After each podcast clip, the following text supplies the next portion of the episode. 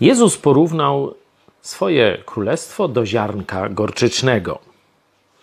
Jest ono, co prawda, najmniejsze ze wszystkich nasion, mówi w Ewangelii Mateusza w rozdziale 13, werset 32, ale kiedy urośnie, jest największe ze wszystkich jarzyn, staje się drzewem, takich przylatują ptaki niebieskie i gnieżdżą się w gałęziach jego.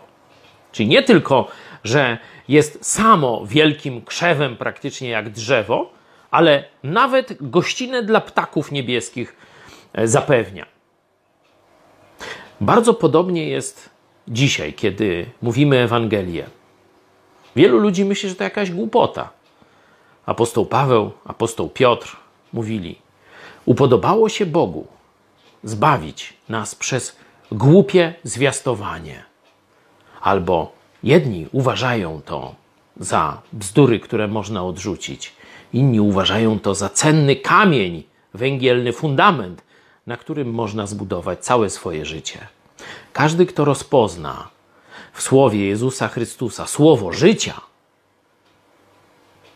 nagle zaczyna się zmieniać.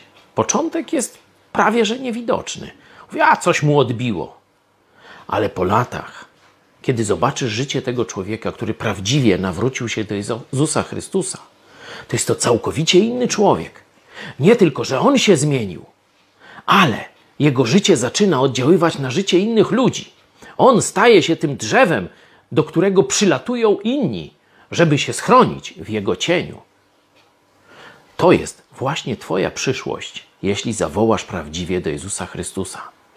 Początek może być marny, początek może być zlekceważony przez otoczenie, ale Jezus mówi, to jest najmniejsze z ziaren, ale kiedy urośnie, jest największym, największą z roślin. To będzie z Tobą, kiedy pójdziesz za Jezusem.